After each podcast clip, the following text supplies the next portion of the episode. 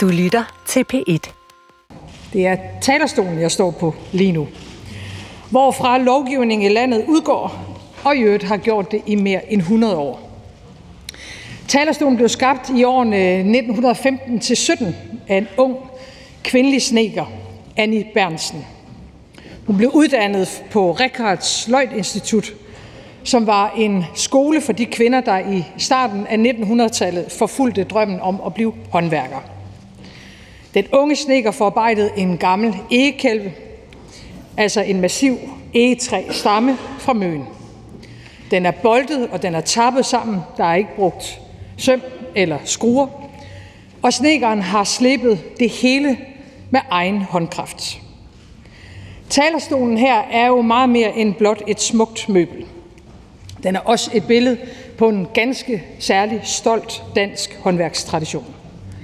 Skabt af og holdt sammen af mennesker med stærke fagligheder. Mennesker, der arbejder med deres hænder og med deres hoveder. Og det starter i skolen. For ikke så lang tid siden blev jeg spurgt, hvad jeg ville være, hvis jeg ikke var statsminister. Og svaret var ikke generalsekretær i NATO.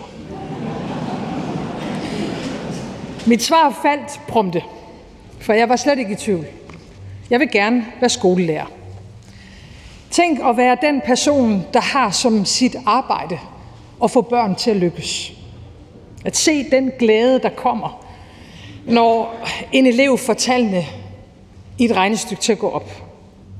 Opleve børn, der ranker ryggen, når de tør noget, som de ellers ikke plejer. Gløden i øjnene. Og måske det allerbedste, man kender det godt som forældre også, når de små de knækker læsekoden. Når man hører dem sige lydene K, A, T op, så lyser de op i et smil og finder ud af, at de kan stave til ordet kat. Viljen til at prøve igen og igen og lægge så der til det, man selv lærer. Udfordringen i at se perspektiverne fra nye sider, fordi man som lærer møder mange børn og forældre, der er forskellige fra en selv.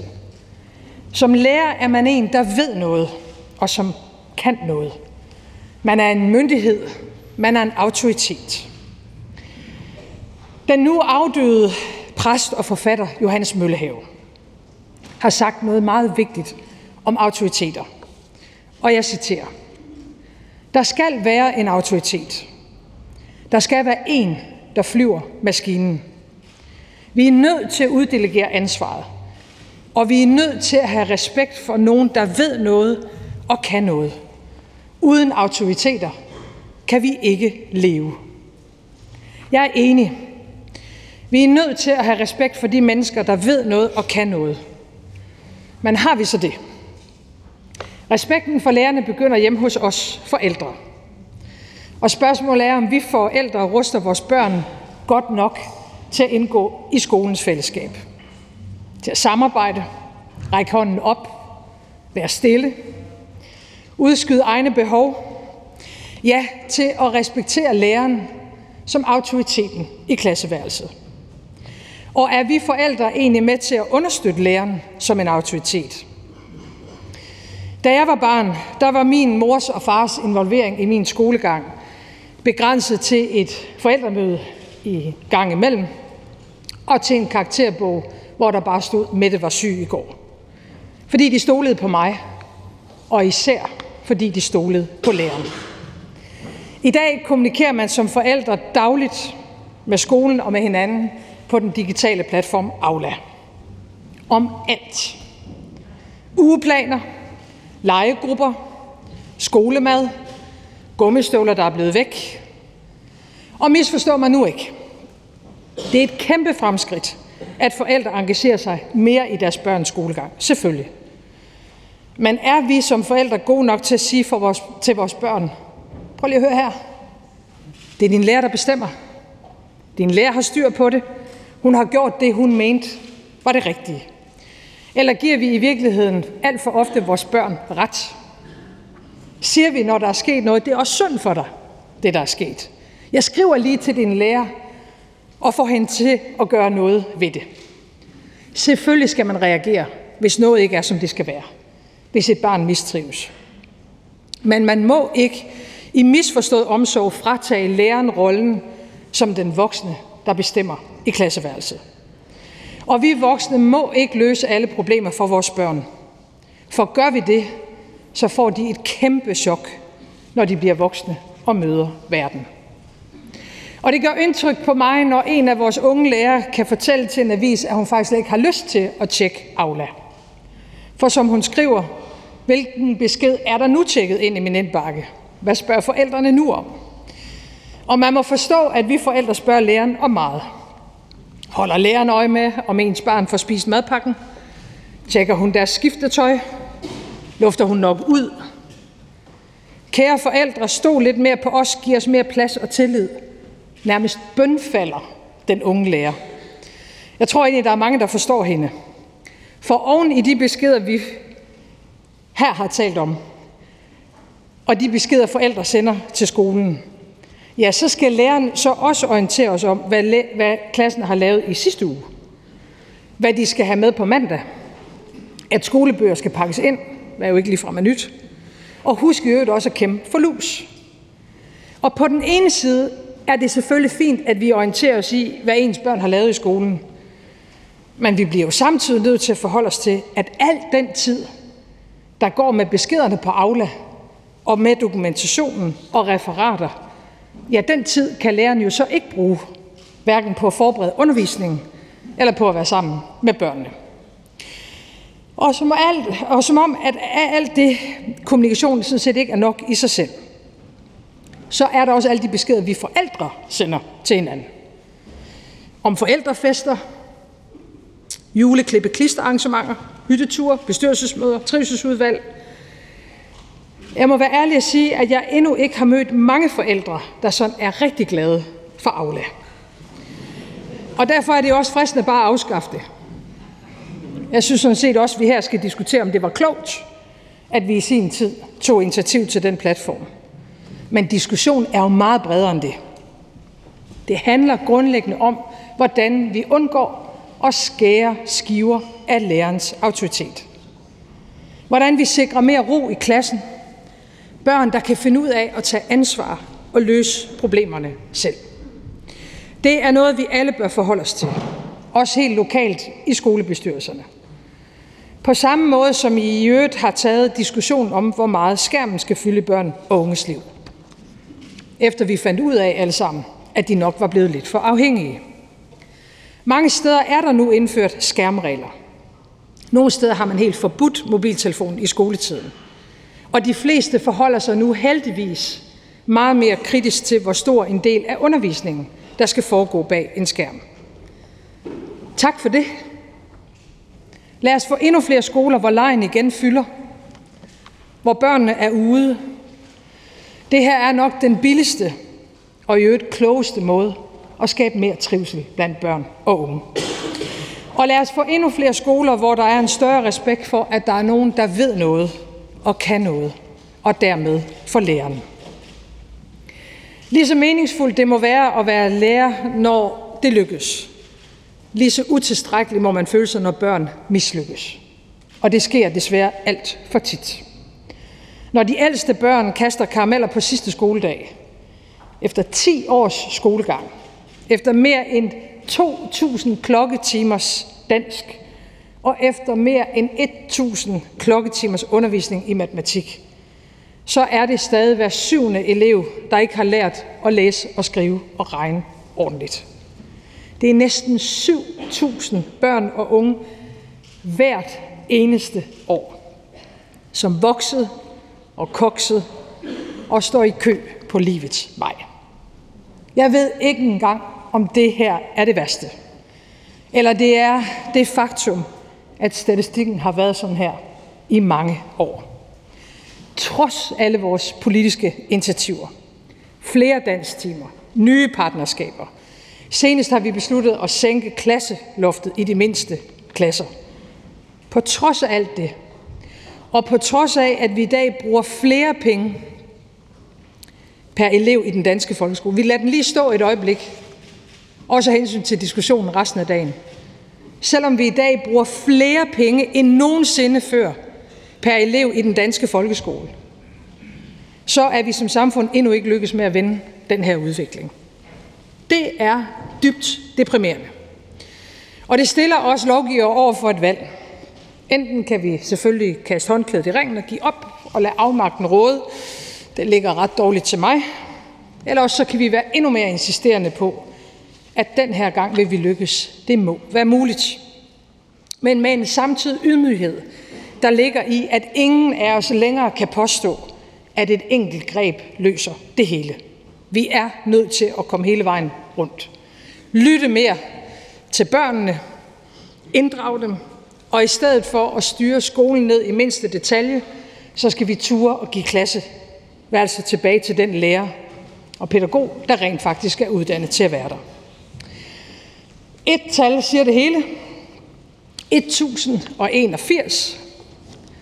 Så mange bindende mål er der fra politisk hold til lærerne i folkeskolen. Alene for undervisning i idræt, hold nu fast, er der 250 mål i alt. Lad mig læse et af dem op. Altså det er et mål i den danske folkeskole i idræt. Eleven kan vurdere idrætskulturelle normer, værdier og relationer i et samfundsmæssigt perspektiv. Helt ærligt. Er det måske fordi, at der her i salen er en overrepræsentation af os, der blev valgt sidst, når man skulle vælge til fodbold? At vi i stedet propper teori og, undskyld mig, alt for abstrakte begreber ind i idræt. Selvfølgelig skal der også være læring i idræt. Men nogle gange skal man simpelthen også bare spille høvdingebold. Og som om, at det ikke var nok med 1081 bindende mål, ja, så er der oven i det 3170 såkaldte vejledende mål. Det er altså mere end 4.000 fælles mål for ét barn i den danske folkeskole. Og alt det her skal lærer og folkeskoler forholde sig til at navigere i, når de underviser vores børn. Det er alt, alt for meget. I næste uge præsenterer regeringen vores oplæg til en ny folkeskole. Her vil vi foreslå, at hver gang der findes 10 mål, så fjerner vi de 9 af dem. Det svarer til, at vi dropper mere end 3.800 bindende og vejledende mål for folkeskolen. Lad os sætte den fri. Men når vi gør det, så følger der også et større ansvar og højere forventninger og krav til lærerne. Den tidligere skoleforsker og nu skoleleder på Frederiksberg, Helle Bjerg, har sagt noget meget vigtigt om forventningen til læreren, og nu citerer jeg. Læreren skal på den ene side kunne mestre et ligeværdigt forhold til eleverne, og samtidig være en autoritet, der siger, det er mig, der bestemmer, det er mig, der sætter rammerne, det er mig, der er skolen. Desværre er der nogle lærere, der kun lykkes med det ene, at komme i øjenhøjde med eleverne. Siden 70'erne der har I lærer bevæget jer væk fra katedret og ud i klassen. Det er godt, for afstanden mellem læreren og eleven var for stor. Men når en afstand kan være for stor, så kan den altså også være for lille. Jeg vender tilbage til det med skolen senere, for når regeringen er så optaget af både uddannelse og frisættelse, så hænger det meget nøje sammen med, om jer børn og unge, der skal bære det her fantastiske Danmark videre, om I får de bedste muligheder for at gøre det. Også fordi vi er nået til et punkt, hvor penge ikke løser alle problemer. Vi har i regeringen brugt øh, det udtryk, at den nye tids valuta i dansk politik er evnen til at føre en politik, der sikrer den tilstrækkelige arbejdskraft. Det er derfor, vi har foreslået et lønløft i den offentlige sektor, som vi nu forhandler med arbejdsmarkedets parter om. Og det er derfor, vi senere på år vil foreslå skattelettelser til danskere i arbejde. Lønmodtagere med almindelige indkomster og særligt enlige forsørgere. Den optagethed af, om vi også i fremtiden er mennesker nok til at gå på arbejde i det her land, og om vi har de rette forudsætninger for at gøre det, betyder det så omvendt, at penge er ligegyldige? Nej. Og vi har som regering tænkt os at bruge markant flere penge på velfærd. Men alligevel så skal alle passe på, at den politiske debat ikke bliver for forsimplet. Det er faktuelt korrekt, at der i den kommende 2030-plan vil være et historisk råderum, altså flere penge. Det er også faktuelt korrekt, at kommuner og regioner til næste år har fået flere penge, end de har i år. Men samtidig med det er det også faktuelt korrekt, at man i en del kommuner og regioner gennemfører besparelser. Besparelser, som der vel at mærke ikke er et politisk ønske om skal gennemføres, hverken fra landets borgmestre eller i regeringen. Når alt det godt kan være rigtigt på en og samme tid, så skyldes det først og fremmest hensynet til inflationen. Danmark er et af de lande i Europa, hvor inflationen er faldet mest, hurtigst, og nu er opgaven at holde den nede. Derfor er der grænser for, hvor meget aktivitet der kan være i økonomien næste år. Men udviklingen i inflation er ikke den eneste årsag til, at det mange steder lokalt er svært at få budgettet til at hænge sammen. Der er nemlig en række udgifter, der bare stiger og stiger, uden der nødvendigvis har været en politisk hensigt herom. Det gælder udgifterne til administration og byråkrati, udgifterne til specialundervisning i folkeskolen, og det gælder også det, man med et meget systemisk ord kalder det specialiserede socialområde. Her skal vi holde tungen lige i munden. For nede bag de her tal og de her ord, der gemmer der sig nogle af de borgere, der har aller, aller mest behov for et stærkt velfærdssamfund. Vores udsatte børn, misbrugende unge, voksne med handicap om mennesker, der har rigtig ondt i livet. Jeg ved i øvrigt godt, at I ikke altid oplever at få den hjælp og støtte, I med rette kan forvente af et velstående land. Heller ikke selvom kommunerne har øget deres udgifter til området med mere end 4,5 milliarder i de seneste fem år. Det tyder måske på, at det her heller ikke kun er et spørgsmål om flere penge, men at vi også skal se på, om ikke pengene kan bruges bedre. Bare et eksempel. Botilbud vil mange af jer her godt kende. Det er en boligform, hvor voksne med særlige behov kan få den omsorg og den støtte og den hjælp, de har behov for.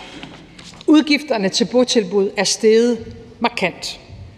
Og det er ikke kun, fordi der er et stigende behov, men også fordi udgiften til botilbud den er blevet meget, meget højere.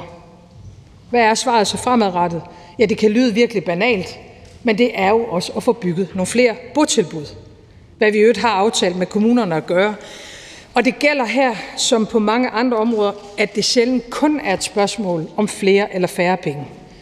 Hvis vi virkelig gerne vil forandre vores velfærdssamfund, så skal vi også have fat om det, der virkelig betyder noget, og dermed turde gå spadestikket dybere, mindst. For det er også her, det bliver rigtig interessant. Når man skal træffe et vanskeligt valg, nogle gange mellem to muligheder, de kan være lige gode, eller de kan være lige dårlige, så har vi jo et ægte dilemma.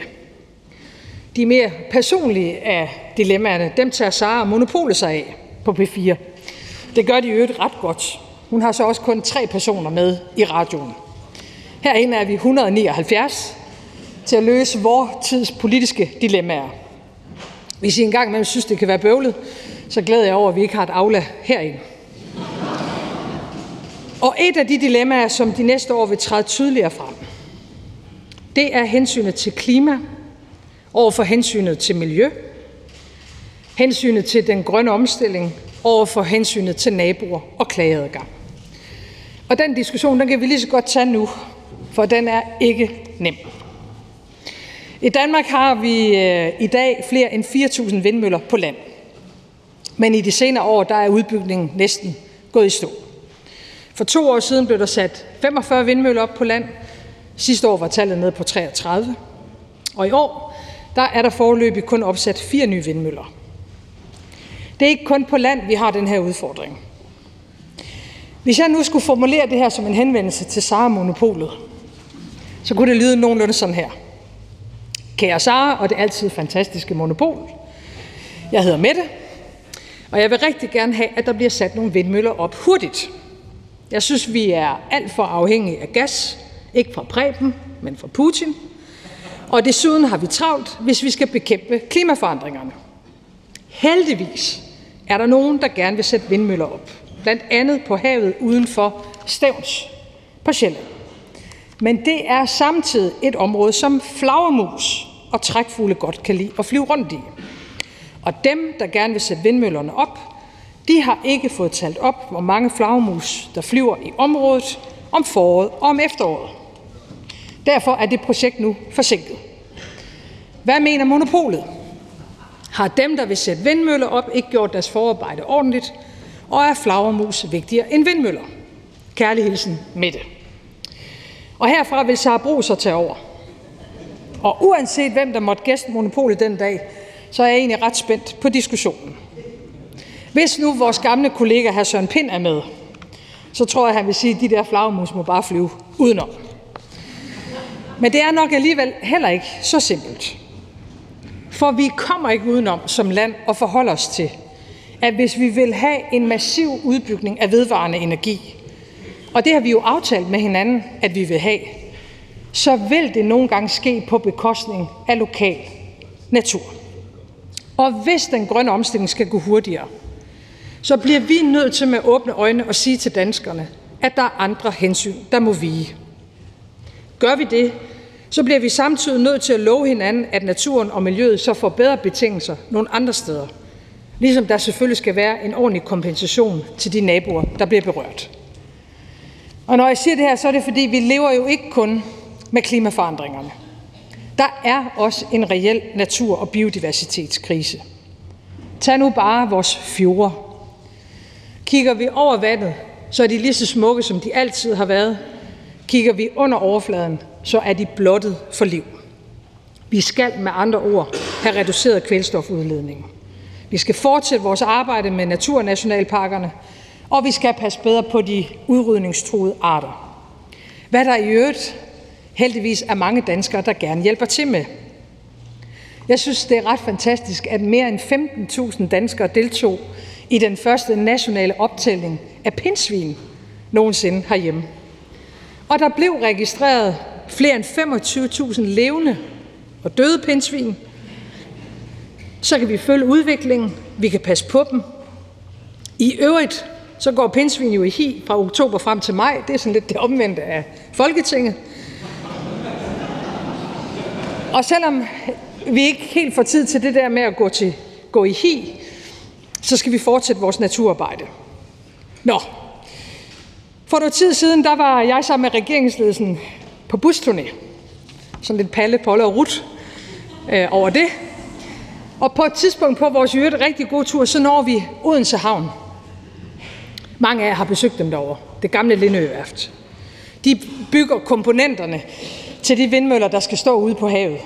Og de er så enorme nu, at de ikke kan transporteres på land. De skal sejles ud. Blandt andet derfor så vil Odense Havn gerne udvide. Men ifølge havnen kan det tage op til 10 år. Så skulle man måske tro, at I ved, at det var byggeprocessen, der var langt.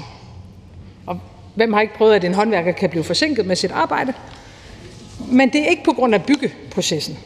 Selve den fysiske udvidelse af havnen, og jeg ved godt, at nogen vil synes, det er kedeligt, men, men hvis ikke vi får gjort noget ved det så kommer der så ikke nogen vindmøller op. Den fysiske udvidelse af havnen tager cirka to år.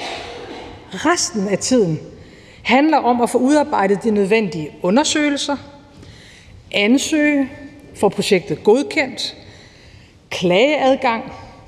Alt det gør, at det tager op imod 10 år.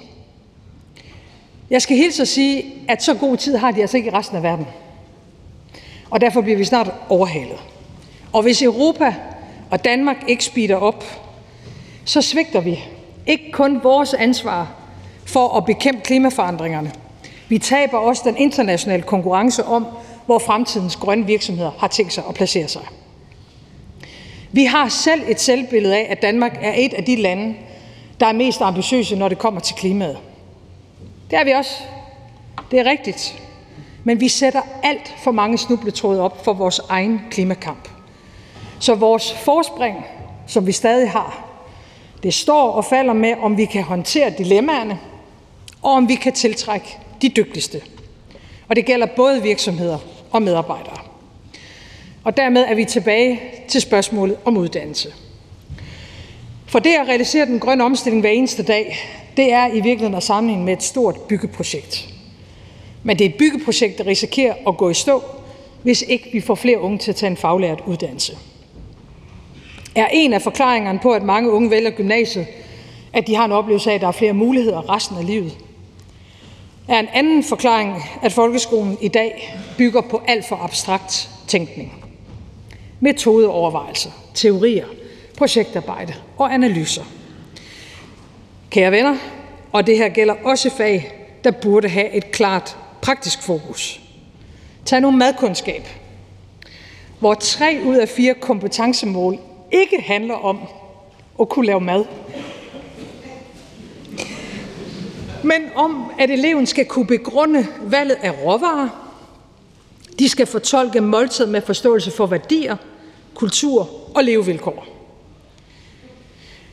Som den skoleelev, der i sin prøve i madkundskab skulle tilberede et perfekt velpocheret æg. Men det arme barn kunne ikke forklare, hvilke kemiske reaktioner, der opstår et let kogende vand, som gør, at æggeviden lægger sig som en kugle om den smilende blomme i ægget. Og derfor måtte han gå skuffet fra sin eksamen. For nu at sige det lidt direkte, så bør det altså ikke være sådan, at man kan argumentere sig ud af, at man ikke kan koge et æg i Danmark. Og mere praktisk indhold i folkeskolen vil gavne alle elever. Hvis vi nu kommer i mål med det her, så tror jeg stadigvæk, at der vil være en gruppe, især drenge, som vil blive ved med at være skoletrætte. Så længe jeg kan huske, så har vi pisket dem igennem 8. og 9. klasse. Og hvor har vi dog tilføjet dem mange nederlag. Der går alt for mange børn rundt, som føler sig utilstrækkelige, de har dårlige skoleminder, for de har sådan set aldrig fået andet at vide, end at de ikke duede. Og den her gang, i stedet for at prøve noget nyt, så bør vi måske gå tilbage til noget gammelt, mesterlæren. Muligheden for, at du som skoletræt dreng eller pige nogle dage om ugen kan komme ud på en virksomhed. Du kan få lov til at arbejde med nogle kolleger, bruge dig selv, opleve, at du kan noget, få styrket din selvtillid, din identitet og din egen tro på fremtiden. Lur mig, om ikke det her så også på et tidspunkt vil give dem mere mod på at lære noget dansk og noget matematik. Og vi stopper ikke der, eller retter, vi starter ikke der. For i virkeligheden ved lærerne jo langt tidligere, hvilke børn, der har svært ved at knække læsekoden. Og det skal altså ikke først være i udskoling, at det bliver opdaget. Derfor vil regeringen også foreslå, at de elever, der er mest udfordret i dansk og matematik, at de kan få lov til at få intensiv undervisning på små hold. For det her handler ikke om, at der er bare nogen, der skal droppe bøgerne, så de kan bruge deres hænder. At nogen er praktiske, og andre er kloge. Det er forkert. Det er falsk. Det handler om noget så banalt, at vi mennesker vi lærer forskelligt. Og der er ingen, der i dag kan klare sig uden at lære at læse og skrive og regne. Nogle af de unge, der for nylig på meget, meget fin vis repræsenterede Danmark til Europamesterskaberne for håndværk, har sagt det meget præcist. En af dem er Jakob, han er tømmer, og forud for konkurrencen, der sagde han, min bedste ven er min lommeregner. En dygtig faglært er et menneske, hvor hoved og hænder arbejder sammen. Og netop det at arbejde sammen, det skal vi også her i Folketinget. Jeg er glad for at stå i spidsen for en regering, der konsekvent søger samarbejdet med andre partier. 9 ud af 10 aftaler er indgået med partier både til højre og venstre for regeringen. Også i rigsfællesskabet søger vi et tæt og respektfuldt samarbejde. Med plads til de forskelligheder, der naturligt ligger i at være tre lande. Diskussionerne de er blevet mere robuste, og jeg tror, at alle her i Folketinget skal indstille sig på, at rigsfællesskabet på den måde mere og mere minder om det, vi kender fra andre politiske sammenhænge. I en moderne virkelighed, der vil der være flere uenigheder i et rigsfællesskab end tidligere. Jeg ser det ikke som en modsætning til de resultater, vi skaber. Men det afspejler, synes jeg, at vi bevæger os væk fra det, der tidligere var et ulige magtforhold. Og det er grundlæggende et sundhedstegn. Der var en gang, hvor der var Danmark, og så var der to andre lande i rigsfællesskabet. Det er slut nu. Og det er ikke Danmark, der skal bestemme fremtiden for hverken Grønland eller Færøerne. Det er en beslutning, der tilhører Nuuk og Torshavn. Og så længe vi har et rigsfællesskab, og det håber jeg personligt, at vi har i mange år, så skal det være et ligeværdigt samarbejde mellem tre lande, tre folk og tre nationer. Og tre sprog, som nu kan ytres her fra talerstolen. Jeg hilser det velkommen, at Folketingets præsidium har besluttet, at man fremover kan tale grønlandsk og færøsk i det, der jo er vores fælles parlament. For selvfølgelig er sproget en central del af vores identitet. Det gælder også her i Danmark, hvor dialekterne desværre stille og roligt forsvinder fra det danske sprog. Har I lagt mærke til det, når vi debatterer med hinanden her i salen? Det er efterhånden sjældent, vi kan høre forskel på, hvor vi er, hvor vi kommer fra. Selvom jeg ved, der i hvert fald er en af os, der stadig forsøger. Hr. Bjarne Lausen fra Himmerland. Han bruger nemlig udtrykket, nemlig ja, til synlædende som en protest mod københavnernes udtryk, præcis. For som han har sagt, det er jo til at blive tosset af at høre på, som de siger præcis hele tiden. Især fordi de fleste københavnersnuder i dag kommer fra Jylland. Hr. Bjarne Lausen har også indledt samrådet med udtrykket, prøv lige at høre. Så prøv lige at høre. Danmark er et land, der taler med stor røst i resten af verden. Der bliver lyttet til os. Ikke kun fordi vi danskere er glade for at tale engelsk, men fordi vi altid gør det, vi siger. Learning by example, siger man i udlandet. Jeg er ikke sikker på, at vi har sådan et udtryk i Danmark. Vi gør det bare. Vi gik forrest i støtten til Ukraine. Vi inspirerer andre til en ambitiøs grøn omstilling. Vi insisterer på at lave et nyt asylsystem, der både er mere humant, og hvor vi samtidig genvinder den nødvendige kontrol med Europas ydergrænse. Det er en rolle, der forpligter, som ikke skal sættes over styr, fordi nogle få misbruger ytringsfriheden til bevidst at forhåne og provokere andre. I flere århundreder har kampen for demokrati og ytringsfrihed handlet om menneskers ret til at tale frit, tænke frit og skrive frit. Hvornår kom vi dertil, at selv forstandige intellektuelle nu forsvarer retten til at brænde andres bøger? Men det er også en rolle i verden, der fordrer en ny selvindsigt. Vi taler ikke så meget om det endnu. Måske har vi stadigvæk det indtryk, at centrum for verden er Vesten. Fra dengang vi sang om Afrika, det land, som alle børn kender. Nu kalder vi så landene syd for Middelhavet for det globale syd. Hvad er vi så egentlig? Det globale nord. Det er mest på et verdenskort, at Europa, at Europa er centrum for verdens gang. Kig på en globus, eller spørg Andreas Mogensen. Frem til 2030 er der fem lande, som tilsammen vil stå for næsten halvdelen af den samlede økonomiske vækst i verden. Fem lande. Det er Kina, det er Indien, det er Indonesien, det er Japan og det er Sydkorea. Mens vi i EU og USA tilsammen vil stå for kun godt en femtedel. Tyngdepunktet i verden skifter. Og som det står lige nu, så taber Europa indflydelse. Det gør vi økonomisk, det gør vi teknologisk, og det gør vi befolkningsmæssigt. Det her er et udfordringsbillede, der kommer til at kræve uendeligt meget af os alle sammen. Og hvis ikke vi også vil tabe muligheden for at præge andre med vores værdier, så bliver vi nødt til at blive bedre til at bygge bro til andre dele af verden. Det burde jo sådan set være muligt for os danskere, for vi er jo kendt for at bygge verdens bedste broer. Når vi bygger dem, så bliver de virkelig kæmpe store, som humleriderne engang sang. Men de broer, der er nødvendige i fremtiden, de kræver noget mere ydmyghed og lydhørhed og nysgerrighed og forståelse. For det er kun sådan, vi kan gå op imod den polarisering, der nok er det 21. århundredes største trussel mod demokratiet. Jeg tænker, I har det ligesom mig. Der er billeder fra verdens gang, som vi aldrig glemmer. Murens fald, 9. november 89. Kan I huske, da tyskerne endelig kravler over den forbandede mur. Frihed, optimisme. 11. september 2001. Kan I huske brandmanden?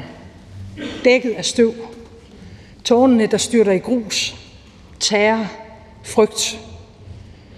Kan I huske, hvad I tænkte den 24. februar 2022 om morgenen?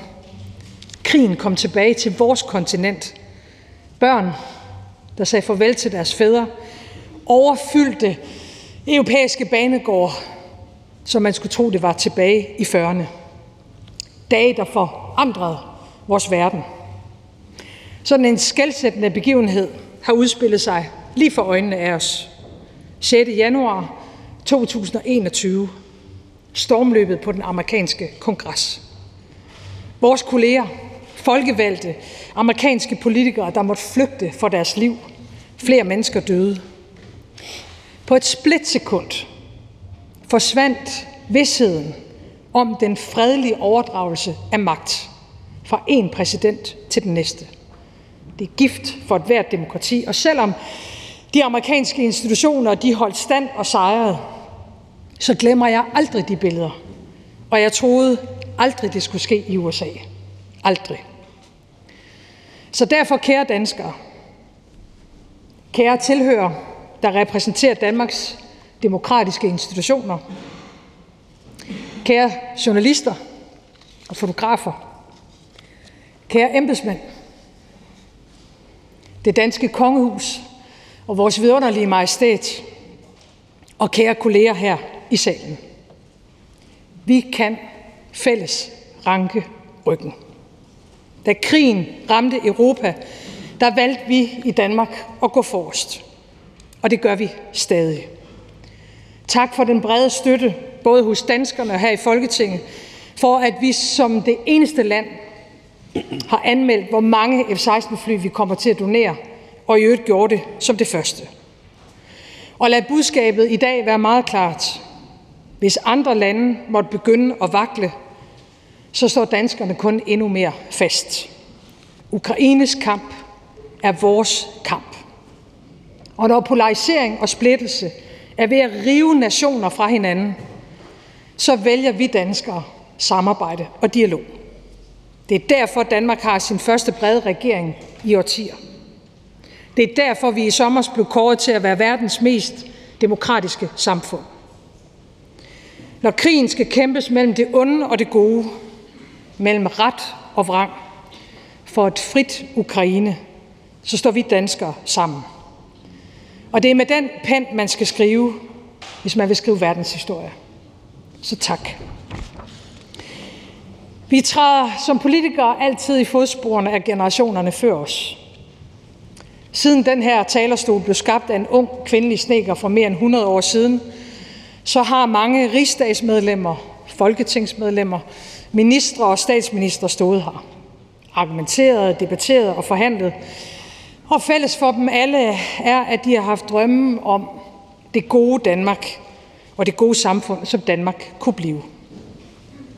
Jeg er helt sikker på, at hvis fortidens politikere kunne opleve det Danmark, der er lige uden for vinduerne, her, den første tirsdag i oktober 2023, så vil de formentlig knibe sig i armen over, hvor vidunderligt det velfærdssamfund de har været med til at skabe. Et af verdens rigeste samfund, opgjort i penge og i livskvalitet og lykke. Et samfund, der giver mennesker mulighed for at realisere deres drømme, løfte sig igennem tilværelsen, og som samtidig griber os, hvis vi for en stund mister vores fodfæste. Er vi så i mål? Nej. Vi har stadig meget, vi gerne vil, og det bliver nok heller ikke i den her folketingssamling, at vi får taget speed ud af dansk politik. For vi skal videre på danskernes sundhed. Der skal rettes op på de problemer, der er på kræftområdet. Vi skal have skabt en bedre sammenhæng mellem praktiserende læge, kommuner og sygehus, ikke mindst af hensyn til vores ældre. Patienterne skal i centrum. Og derfor skal flere af de ansatte i sundhedsvæsenet også have patientkontakt. Vi kunne kalde det fra skrivebord til patient. En 10-årsplan for psykiatrien, mere forebyggelse, og så skal vi være villige til at bruge flere penge på danskernes sundhed, og det er vi. Vi skal videre på klima. 2025-målet skal i hus. Landbruget skal bidrage, derfor en CO2-afgift og en flyafgift, så vi kan flyve grønt i vores land. Vi skal videre på velfærd, frisættelse, starter med folkeskolen, derefter et omfattende udspil på ældreområdet. Vi skal videre med skattelettelser til jer, der er i arbejde. Vi skal forhøje ældrechecken til jer pensionister, der har mindst, og vi skal gennemføre et lønløft i den offentlige sektor. Vi skal videre med at styrke dansk forsvar. Vi skal fortsætte vores støtte til Ukraine, og vi skal i øvrigt forhandle en ny europapolitisk aftale. Vi skal have arbejdspligten på plads for borgere med integrationsbehov. Især kvinder med ikke-vestlig baggrund skal afsted om morgenen, ligesom alle vi andre, så man bidrager til samfundet for den ydelse, man modtager, indtil man får et rigtigt job. Vi skal videre med at øge trygheden i alle dele af Danmark. Derfor en ny bandepakke, og derfor muligheden for, at politiet kan oprette skærpede strafzoner, blandt andet på Christiania. Den vigtigste frihedskamp, synes jeg, der er i Danmark, er kampen for, at minoritetspiger selv får lov til at bestemme over deres egen seksualitet og deres egen fremtid. Og at alle vi andre ikke skal gå og være bange for kriminalitet på grund af rockere og bander og utilpassede drenge, der overfalder deres jævnaldrende. Vi skal videre med en ny værdighed i socialpolitikken. Pas på de mest udsatte, de skal ud af beskæftigelsessystemet. En ny 2030-plan. Og vi skal videre med nogle af de for nogle svære diskussioner. Abortgrænsen, organdonation, aktiv dødshjælp. Alt det, vi skal. Det er lige før, det er mere omfattende end beskederne på Aula, og der bliver i hvert fald ikke tid til at gå i hi. Der bliver til gengæld behov for masser af samarbejde og kompromiser og diskussioner, også her i salen. Jeg nævnte tidligere, at talerstolen er bygget med afsæt i en egetræskævle. Og øh, et gammelt rygte siger, at enten var det snekeren selv, Annie Bernsen, eller også var det venstrepolitikeren hr. Frede Bøjsen, der lagde en seddel ind i talerstolen. Her er en kævle, som I kan kævle videre på. I dag har jeg gjort en indsats, og nu vil jeg se frem til, at vi sammen kævler videre, ikke mindst under åbningsdebatten på torsdag og i det folketingsår, der ligger foran os. Og så vil jeg bede jer om at rejse jer.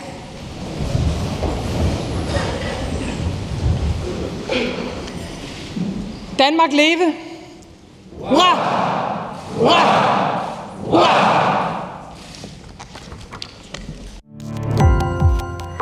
på opdagelse i alle DR's podcast og radioprogrammer. I appen DR Lyd.